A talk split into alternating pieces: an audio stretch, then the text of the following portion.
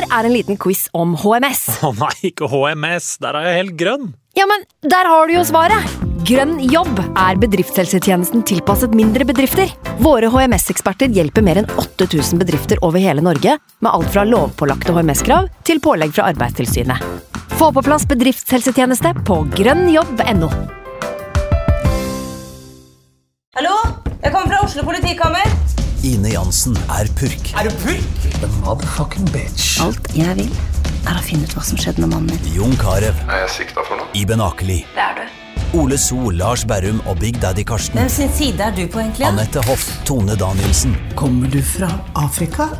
Jørnis Josef, Nesten. Kløfta. Trond Espen Seim, Det er synd å si det, men det var feil mann som døde. Purk. Premiere tirsdag på TV2 Play.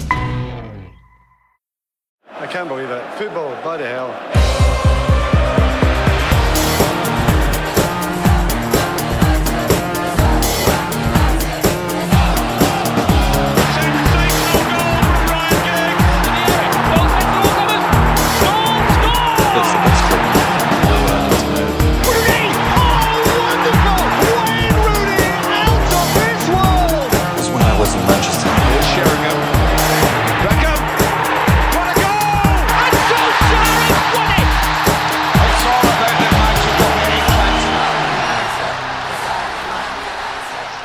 Velkommen skal du være til en ny episode av United We Podcast. Jeg har ringt opp to av eh, mine favoritter når det kommer til å se Manchester United eh, live på stadion. Eh, Eivind Brennholt Holt, journalist i United.no, velkommen skal du være. Hallo, hallo. Vi har jo hatt noen greie minner. Vi så eh, min første Ole Gunnar Solskjær-kamp sammen. eh, Southampton på Old Trafford. Eh, de lå under til pause. Vi tenkte ja, typisk at de skal begynne å gå på smeller nå, som vi drar over for å titte på det.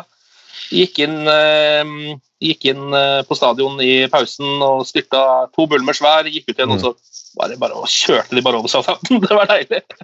Det var veldig gøy, og det var vel matchen før uh, Mirakel i Paris, hvis jeg ikke tar helt feil. Og så Og så, ja. Ja. Så vi hadde flaks som kom oss på den kampen, så at vi fikk se litt av oppturen også. Uh, før Ja. det begynte å gå litt nedover igjen.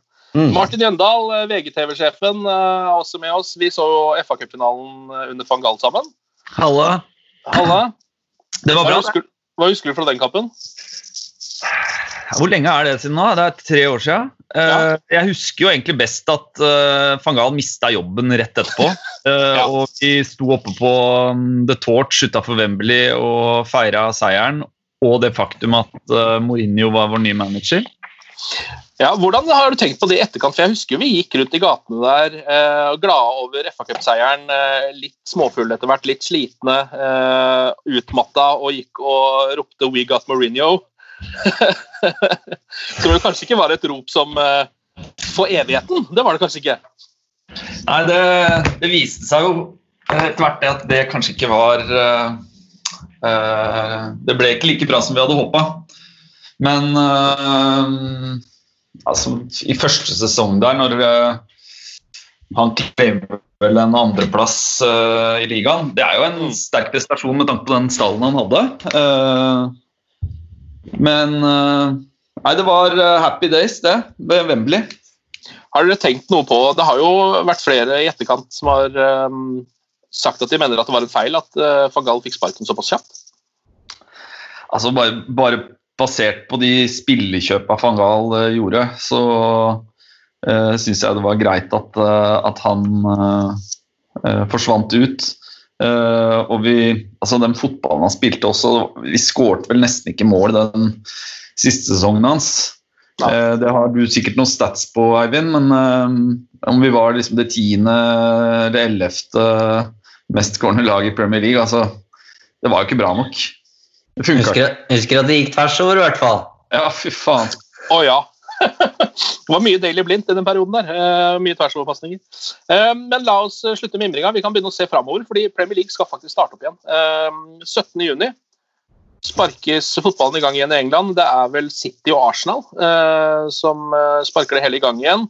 Nå har jo også eh, datoene for Uniteds eh, første ligakamper lekka ut. Ja. Den er Eh, bekreft, bekrefta nå nettopp.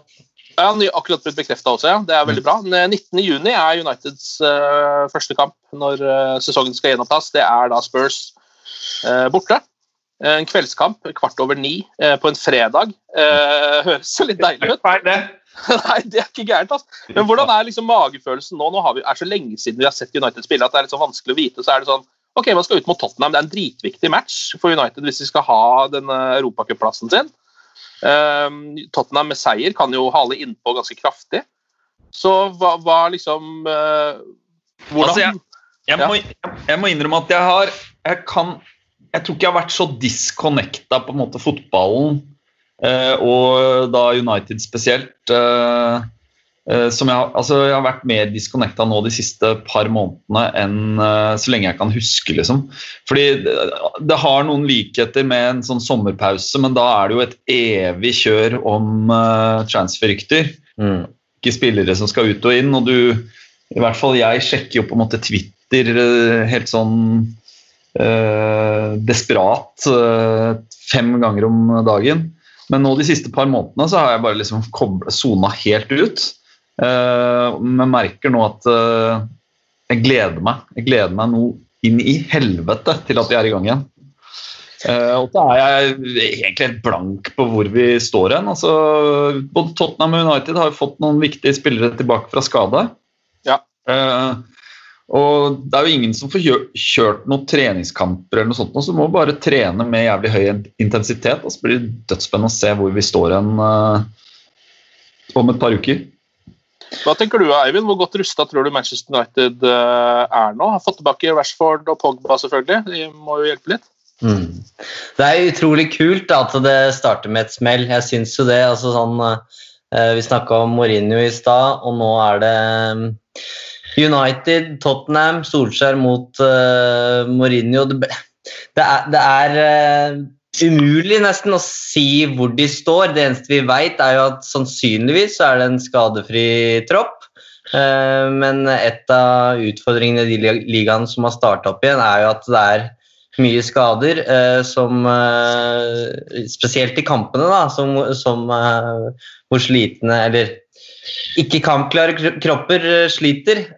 Nå er det jo bekrefta at de kan gjøre fem bytter og litt sånne ting. så det men eh, det er så mye. Eh, Først og fremst må jeg innrømme at jeg er spent på hvordan den restarten her går. Det har gått veldig fint i, i Bundesliga, og jeg tviler ikke på at det kommer til å gå fint i Premier League også, men det blir rart å, å se på eh, en fotballkamp med United uten supportere. Vi er vant til å se dem i preseason og sånn, men da er, er det jo fulle stadioner. Eh, og det å kunne høre Pogba rope til Rashford og høre kanskje til og med få med seg instruksjoner fra sidelinja og sånne ting, det, det blir veldig rart. Og så er det som jeg sier da, det starter med et smell mot Tottenham.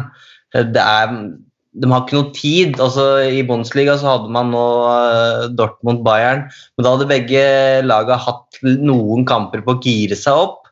Her er det rett ut i eh, en ganske viktig match da, med tanke på topp fire.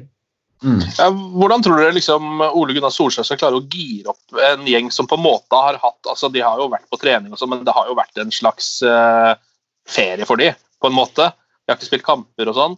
Um, skal ut foran tomme tribuner og spille en av sesongens viktigste kamper. Hvordan skal man ta tak i det? liksom? Er det Altså, jeg, jeg tenker jo at det kan være en fordel at vi har et relativt at vi har ganske mye unge spillere som bare er liksom gira på å spille fotball. Eh, og eh, i tillegg, når du da får en Pogba tilbake i laget som Bruno ennå ikke har, eller Fernandes ennå ikke har spilt med, eh, Rashford tilbake jeg tror det er på en måte såpass mange sånn positive elementer rundt det som gjør at at Jeg tror ikke motivasjonen eller innsatsen altså Det vil ikke stå på det i det hele tatt.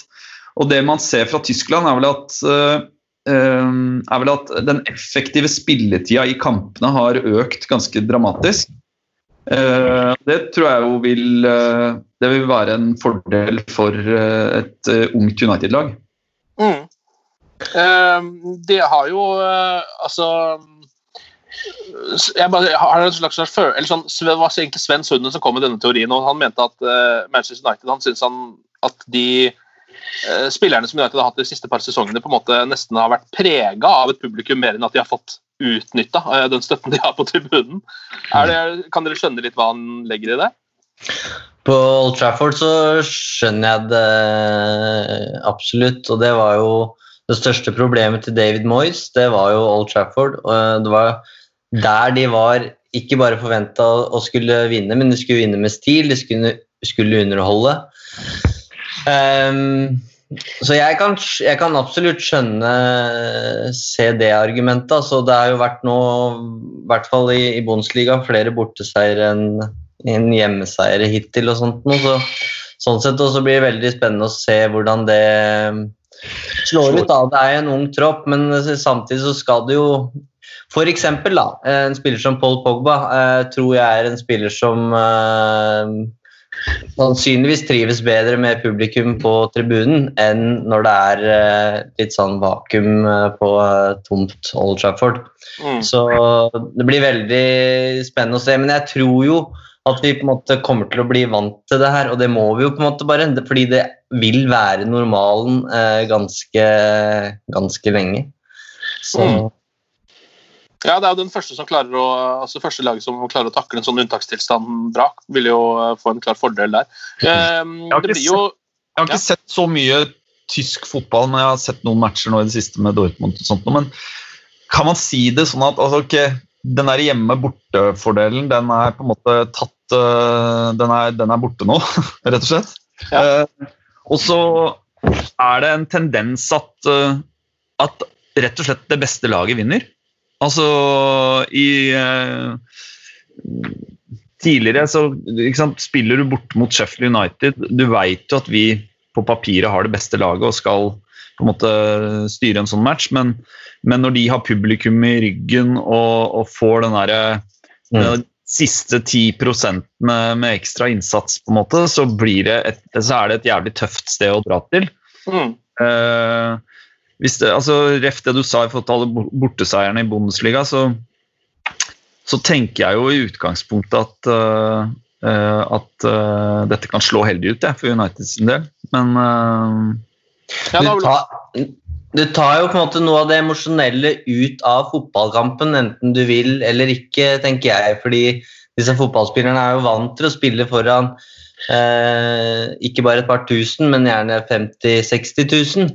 Og det mm. vil være en enorm forskjell, og da skulle du jo tro at det er jo en faktor mindre, da, som du sier, Martin. Spesielt kanskje da lag som Sheffield United og Burnley og sånn krigelag som spiller på på en måte vilje, aggressivitet og og det å, spesielt på hjemmebane, da, ha eh, publikum i, eller fansen i, i, ryggen, og på bortebane den derre eh, verden mot oss, vi er eh, vi skal, Nå skal vi vise makta, på en måte. Den, den forsvinner, så og vi rakk, jo, vi rakk jo tross alt å spille en match for tomme tribuner ja. Eh, før, uh, før, alt ble, ble, avlyst. Det gikk jo brukbart, det må jeg si.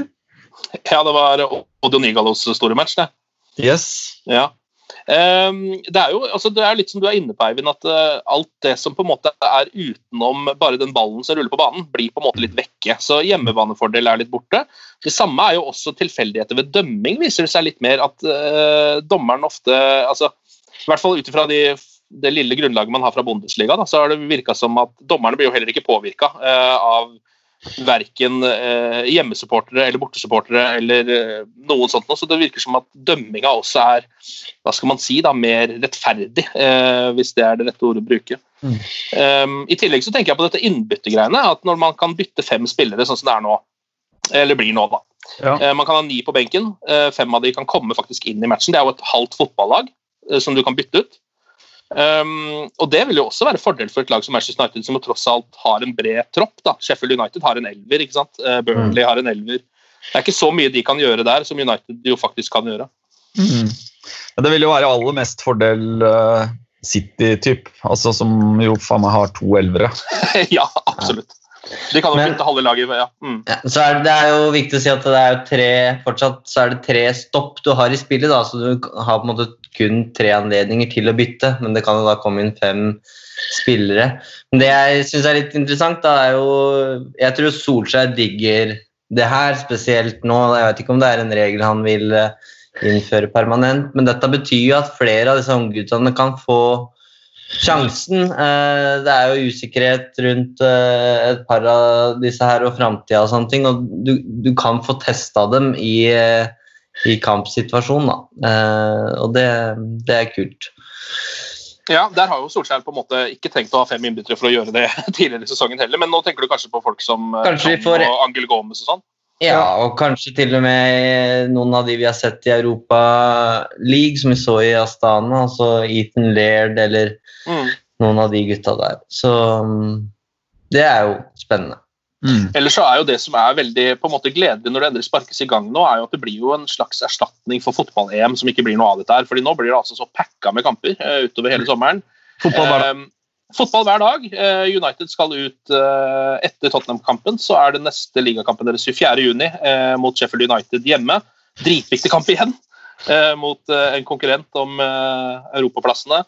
Og så er det Brighton 30.6. Eh, mellom der så skal det jo også spilles en FA-cupkamp borte mot Norwich. Den er 27.6. Og det hører jo her, altså det er ja, det er tre-fire dager, og så er det match, da. Eh, Fram, fram til 2. juli så er det mm, kun én dag det ikke spilles Premier League eller FA-cup, og det er fredag 26. juni. Så hvis man skal legge noen planer, så er det så er det det, det. det er den kvelden man har. Ellers synes jeg det er gledelig at, uh, at Odion Igalo eh, faktisk blir i Manchester United. Eh, det var jo snakk om at han kanskje kom til å dra tilbake til Kina uten at han fikk sparke noe mer ball eh, denne sesongen her. Nå viser det seg at han blir til 31.1.2021.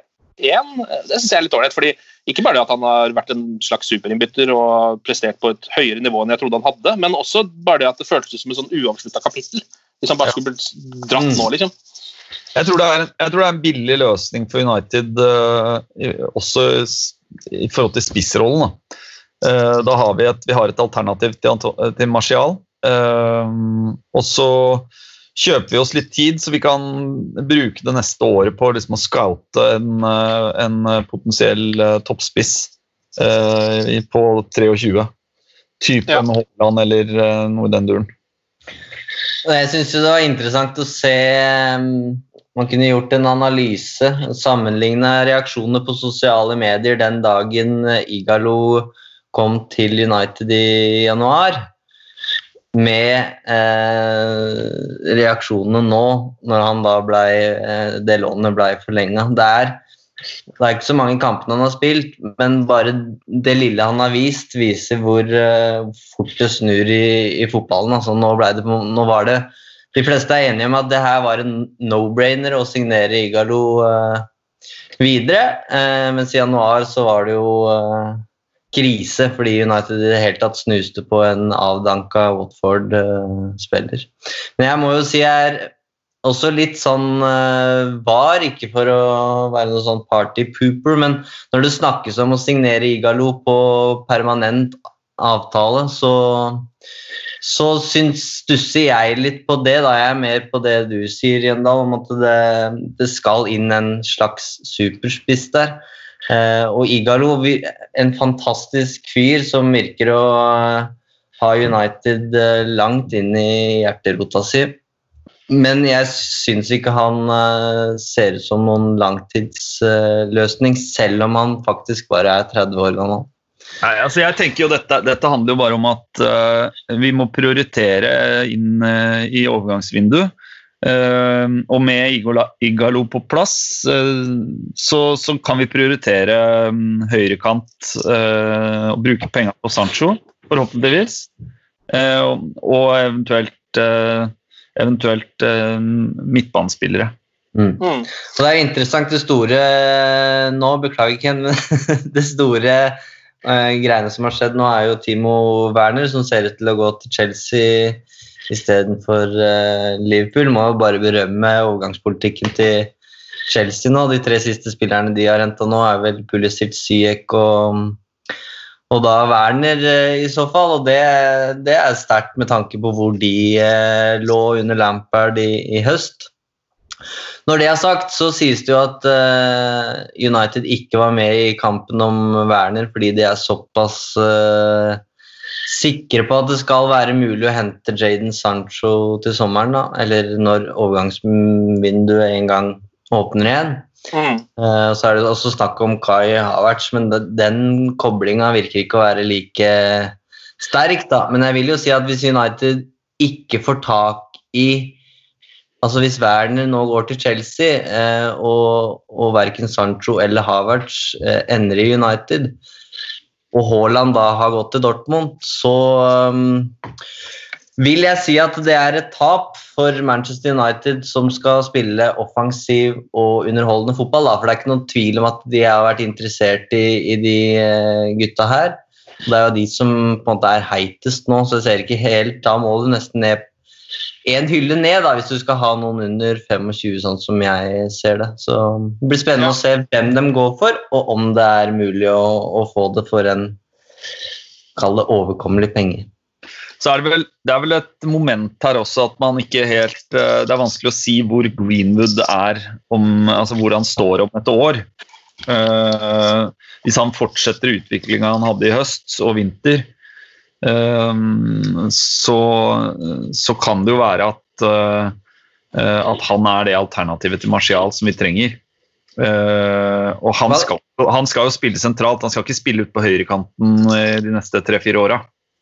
Tenker jeg, da. Hva tror du Solskjær tenker om uh, Martial Gjendal? Hva er planen? Mm, nei, det er et godt, godt spørsmål. Altså, det, det er jo et usikkerhetsmoment. Altså, han har jo et helt vilt potensial. Altså, bare det målet hjemme mot uh, Watford uh, tidligere i vinter. Et lite kunstverk av en scoring. Og han, han har det jo i seg å kunne putte 30 mål i året. Uh, men om, han, om han kommer dit Jeg veit ikke hvor mye tålmodighet Solskjær har man. han. Eh, og det avhenger nok av hvilke alternativer han har også.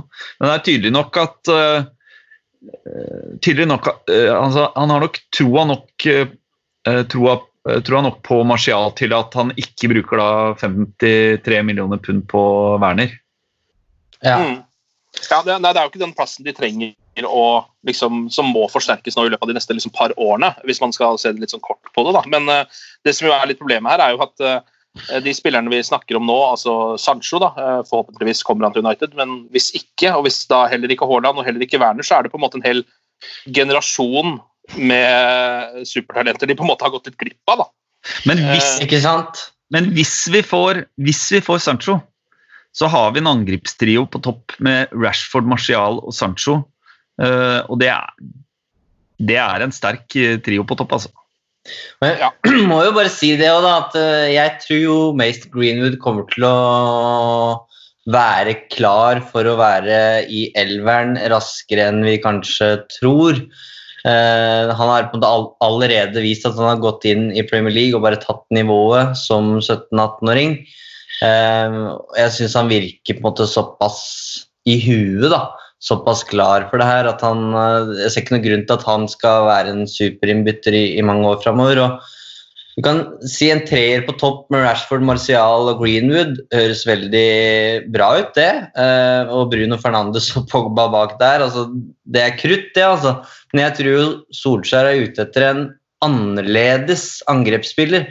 Fordi Rashford, Greenwood og Martial er såpass like. De er egentlig alle tre vi har kalle på en måte angripere som, som er kanskje aller best i avslutningssituasjoner. Da. Mens en Jaden Sancho eller en Kai Havertz er jo mer tilretteleggere. Eller har i hvert fall større kvaliteter der. Så det er grunnen til at jeg tror de er ute etter en, eh, en angrepsspiller til. For som du sier, Ken, de har jo egentlig god eh, Altså, eh, i elveren så er det i hvert fall god dekning, da. Eh, men jeg tror de er ute etter å ha, ja, bringe enda en dimensjon da, uh, inn i angrepet. Og grunnen til at jeg spurte om Martial, er jo fordi spørsmålet før denne sesongen her var jo Ok, nå får Rashford og Martial sjansen. De er på en måte uh, førstevalget på topp. Vil de takle det ansvaret? Jeg syns jo Rashford helt utvilsomt har takla det meget godt. Mens jeg tror det fortsatt er noen spørsmålstegn ved Martial, om han egentlig er en nier eller om han er en kant. og Ja, og dette er de samme spørsmålene som vi egentlig har hatt rundt han i Mm. fem, fem år. Da. Så jeg tror han er avhengig av å gi noen svar. Eh, selv om han har et fantastisk talent, det er det ingen tvil om.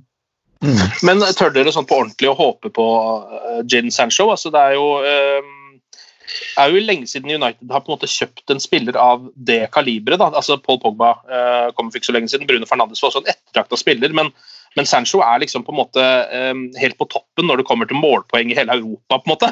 Det er liksom en litt sånn, eh, Og han er ung, og han er engelsk. Alt det der gjør han jo ekstremt attraktivt. Ja, for alt ligger jo til rette for han i United, ikke sant? Altså, I det øyeblikket han signer, eh, skulle signere for United, så, så er det en superstjerne. Han vil få trøye nummer sju. Eh, han får spille på favorittplassen sin, høyre kant. Det er, det store gapende hullet i startoppstillinga til United. Høyre kant. Vi har på en måte spilt alt fra Jesse Lingard, Mata, eh, Greenwood ute av posisjon. Eh, og, og selvfølgelig Daniel James, som egentlig er best på venstresida. Uh, så altså Spørsmålet er ok, skal man Kan man bruke 100 millioner pund i, eh, i 2020? Eh, har vi de penga? Eh, og hvis svaret på det er ja, så er det bare å kjøre på. Altså, du, han blir jo da i tilfelle signa over på en kontrakt på, på sikkert fem-seks år. Og den summen vi betaler Dortmund, skal uansett liksom avskrives over den tidsperioden. Ja. Eh, Så mm, det er jo ikke sånn at nødvendigvis regnskapet skal belastes med 100 millioner pund eh, nå i sommer. Jeg satt jo og sikla litt eh, da Bundesligaen starta opp igjen eh, og Dortmund spilte de par-tre første kampene med Jadon Sancho på benken. Og tenkte at ok, nå er det noe murring og nå er han på vei et eller annet sted. og sånn, Men så med en gang han kom på banen, så viste det seg at han bare var litt utrent. Så Ja. det var liksom sannsynligvis det som gjorde det. da. Men det jeg virkelig håper på Jadon Sancho det hadde, Jeg føler at han er sånn Akkurat nå så er han på en måte den ene puslebrikken, da, kanskje sammen med en helt sånn ekstremt god midtstopper, eh, som gjør at eh, det laget der er, begynner å nærme seg noe som ligner på komplett. Ja, altså, du, vi ser jo altså Solskjær har jo vært tydelig på at han vil spille 4-2-3-1. og Før vi signa Bruno, så, had, så var det også en, et kjempe, en kjempeutfordring, altså den tierrollen. Eh, det er løst nå. Eh, så da, For meg gjenstår det bare høyre kant, egentlig. altså Utover det så tenker jeg at uh, vi på ingen måte må gjøre noen andre uh, større kjøp i sommer. Uh, kanskje få inn han midtbanetalentet til Birmingham som kan være litt sånn understudy sentralt på midtbanen. Mm. Eh, men, men jeg syns vi har ganske god dekning på de fleste plasser. ikke sant? Jeg vet ikke, Hvis vi går gjennom det, så har vi både Dalot, Dalot som er et alternativ på høyrebekk. Uh, Williams er et alternativ til Shaw på venstrebekk. Uh, vi har Beklager Måkeslika her, forresten. Det er bare en jævla her som ikke skjer oppe i. Nei, det er helt kaos utafor her. Nei, og vi har, eh, vi har eh, Beholder vi Pogba, så har vi god dekning på, på de to sentrale midtbaneplassene. Eh, med Matic, som vel fikk eh, ny kontrakt, og eh, Fred, McTominay, Pogba. Eh, det, er ikke, det er ikke noen andre posisjoner på banen som, som er kritisk, tenker jeg, da. Nei. Eh, vi kan jo også helt på tampen her, eh, før jeg går ut og dreper disse måkene, ta ta og eh, snakke litt om en spiller som kanskje er på vei ut. Jesse Lingard har jo lenge hatt en, hatt en følelse av at han liksom nå har bevist at han ikke er god nok for å spille for Manchester United. Etter mange år hvor man har vært litt sånn Er han kanskje god nok? Og så skårer han på Wembley, og så holder han på litt. eh, Og så spiller han plutselig fast i VM. Så har han hatt seg noen litt dårligere år. Um, nå er det jo da en klubb som kanskje, eller som i hvert fall ryktene, sier at snuser på han. Og hvem er det? Jo, det er selvfølgelig Inter. Uh, hvem skulle det ellers vært? Han har visst vært litt i kontakt med Chris Smalling og Ashley Young og spurt hvordan det er borti der. Kanskje tatt en liten SMS til Lukaku. Eh, de har jo bare altså, ja, De er- ender jo opp med å nesten ha B-laget til United snart der borte nå, hvis ikke de skjerper seg. Ja, det er, det er ikke noe bombe at det er Inter som melder seg på der. Han har jo ansatt Raiola som agent, og det er jo i seg sjøl et ganske tydelig signal om at det, det kan være ting som At man ønsker at ting skal skje. Eh, Jesse Lingard har jo Det som har vært fint med Jesse Lingard, er jo at han alltid har virka vært fornøyd med den rollen han har i United, fordi han er United-gutt og, og vokst opp i, i klubben. Men det kan nok hende at det nærmer seg et, eh, et skille der. Han fikk jo på en måte en ny sjanse altså Han løfta seg jo egentlig først under Mourinho, og så opplevde vel en formdupp der før Solskjær kom inn og han fikk nye sjanser igjen, men eh, frykten er at vi så topp topp, topp, toppnivået av Jesse Lingard for et par år siden, og at han på en måte da nesten overpresterte. At dette her er ja, Nå har han kanskje vært ekstra ille i år, men, eh, men at dette er mer normalen. Da. At han ikke helt har det nivået Mm. som, uh, som du trenger i United. Da. Uh, eller at han bare trenger nye utfordringer. Det er klart Han har vært på samme sted i, i mange år, så kanskje. Ja, og en overgang til Inter er jo noe som altså, alle som har drømt om å være fotballproff, hadde jo tatt den ganske raskt. Selv om det selv om jeg skjønner at eh, han er glad i Manchester United, så er det jo hvis du er i en klubb du ikke er helt god nok for, og kan gå til Inter, det er ikke så, er ikke så gærent, det. Det er ålreit for Jesse. Om han er god nok for Inter, det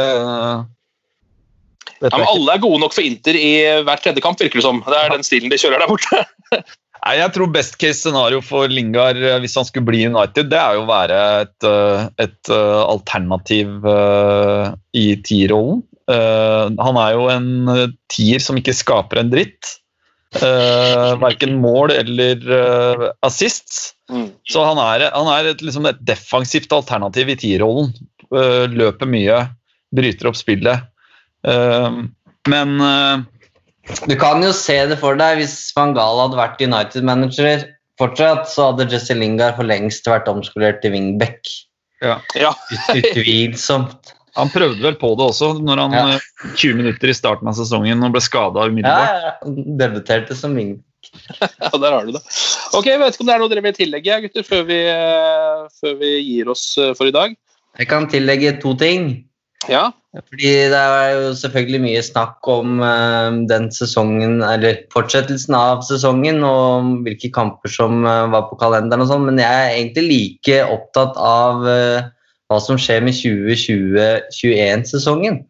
Og Mm. den skal jo i utgangspunktet da starte 12. Ja, rundt 12. og 13. september. Det er to uker etter at Europaliga-finalen ble spilt.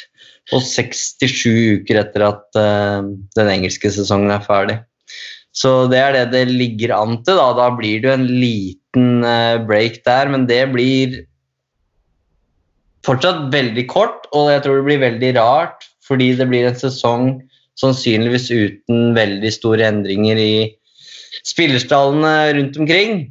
Mm. ja, De endringene må man jo jobbe for nå. på en måte. Ja. Man må begynne å få inn de nå, de som skal være der den sesongen. Så spørs det hva, hva, hva klubbene risikerer. og bare som en sånn Apropos når vi snakka om Jaden Sancho i stad, som jeg ikke fikk, ikke fikk lurt inn der. Men spørsmålet mitt er litt Nå snakkes det om at Paul Pogba eh, kommer til å bli værende i United, fordi Real Madrid, eh, Barcelona, Juventus, PSG de kommer ikke til å ha mulighet til å gjøre en så stor investering etter etter den, eh, de månedene vi har hatt nå, og den usikre tida vi går i vente. Og da må jo på en måte den samme dilemmaet være rundt uh, Jaden Sancho og Manchester United. Klart Nå virker det som Chelsea kjøper da Werner for er det 55 millioner euro. Det er jo et betydelig utlegg, så det betyr at uh, de er tydeligvis villige til å ta en risiko, da. Men eh, akkurat det blir jo spennende å se som, om, det, om det er mulig å gjøre en så stor investering, eller om de fleste laga kommer til å stille som de gjorde. Mm. Noe mer, Martin? Ja? Andre er bare Sist gang så foreslo jeg å se sesongvideoer. Ja. For de som kjeda seg. Nå er det ikke så mange eh, ukene igjen til vi er i gang igjen. Nå har jeg sett alle. Eh, så nå har jeg funnet en ny serie som jeg ser på. Det er noe som heter The Champions på YouTube. Bleacher Report. Det er en animasjonsserie. Sjekk det ut. Ganske artig greie, faktisk. Også en, en tegneserie? Ja, tegneserie om eh, kan, eh, Pitchen er vel at det, det er på en måte Paradise Hotel for fotballverden. Så det er 800 spillere og trenere som er samla på en mansion. Og da skjer det litt diverse da, med Mourinho og Solskjær og Fellaini og Lukaku og hele gjengen. Artig. Artig greier. Har du, har du sett eh, den BuzzFeed-dokumentaren, eller? Ikke ennå. Jeg har skjønt at han ligger ute på en eh, norsk eh, streamingtjeneste, men jeg har ikke fått sjekka det ut ennå. Ja, Veit vi, vet vi hvor den ligger? Har du noe info på det, eller er det Det var en litt sånn delvis ukjent, for meg i hvert fall, norsk strømmetjeneste. Men eh, jeg vet ikke om du har det, har det der, Eivind? Eh, bare snakk litt om noe annet, da skal jeg se om jeg finner det her. Ja, eh, Martin, hva har du? Nettkino.no tror jeg Ja, det er. Det var Kan det stemme? Nettkino, ja. Jeg tror det stemmer, faktisk. Ja, ellers Eivind, Hvordan er livet i supporterklubben når det ikke spilles fotball og det ikke er noe transferrykter egentlig å snakke om? Hva, Nei, du må ikke, må ikke spørre meg, for jeg er i pappaperm, men uh, Det er bra tima, da. den, fortel, den forteller at det går, eh, det går greit. Det har jo vært tøffe tider for supportklubben òg, men de teller jo opp medlemstall eh, 31. mai. Eh, og der ble det jo nå satt eh, kall det ny rekord. Eh, beste medlemstall siden 2013. Ja. Så det er jo veldig, veldig gledelig i, med tanke på de eh, ukene eller månedene vi har hatt nå.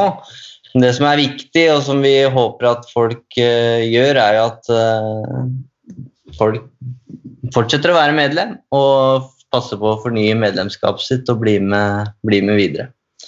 For det, det er vi avhengig av. Det er straks uh, mulig å se United spille fotball igjen, eh, folkens. Det blir deilig. Ja. bare et par uker, så sparkes det i gang igjen. Kan også nevne at uh, nå har podkaststudioet vårt så vidt begynt å åpne igjen, så forhåpentligvis kan vi kanskje ses ansikt til ansikt neste gang vi snakker om United. Det tror jeg var alt for i dag. Altså. Hva sier du, Martin? Uten måker også. Ah, jeg håper det er så jævla måker. Jeg skal snipe de nå. Vi, vi snakkes, gutta. Ha det bra. Ha det godt. Glory, glory.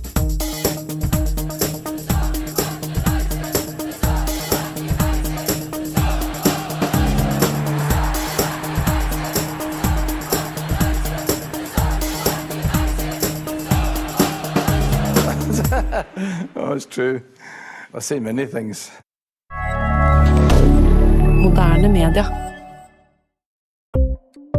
Ukens annonsør det er matkasseleverandøren Hello Fresh. Der kan du velge mellom 25 ulike oppskrifter hver uke, eller få Hello Fresh til å sette sammen en meny for deg. Jeg sparer tid på å handle, oppskriftene er veldig enkle å lage, og så får jeg akkurat det jeg trenger da, til hver eneste rett, så jeg slipper å kaste så mye mat som jeg vanligvis gjør. Det er også litt deilig å faktisk slippe å gå på butikken, ikke bare fordi det er tidkrevende, og sånn, men fordi man ender opp med å kjøpe så mye greier som man egentlig ikke trenger, sånn som fire poser eh, Smash og en kick med havsalt, eksempel. Det er ikke det du egentlig er der for, du er der for å kjøpe, kjøpe middag. Så det er en veldig eh, kjekk ting. I tillegg så er det jo eh, ferdigporsjonerte ingredienser, det blir mindre matsvinn, og du betaler bare for det du faktisk trenger, og det du faktisk da spiser. I tillegg så blir det da levert på døra til et eh, fastsatt tidspunkt, sånn at du kan få det akkurat når det passer for deg eh, sjæl. Hvis Hello Fresh høres ut som noe for deg, så har jeg en rabattkode du kan bruke også. Gå inn på hellofresh.no og bruk koden HelloUnited24. HelloUnited i ett ord, også 24, og få opptil 1779 kroner i rabatt på de fem første matkassene dine hvis du ikke har prøvd Hello Fresh ennå. Du kan også bruke koden hvis du tidligere har vært kunde, men har stoppa abonnementet ditt for tolv måneder siden eller mer. Det er ingen bindingstid, og du kan pause eller avslutte abonnementet ditt akkurat når du selv måtte ønske. Husk koden HelloUnited24, og bon appétit!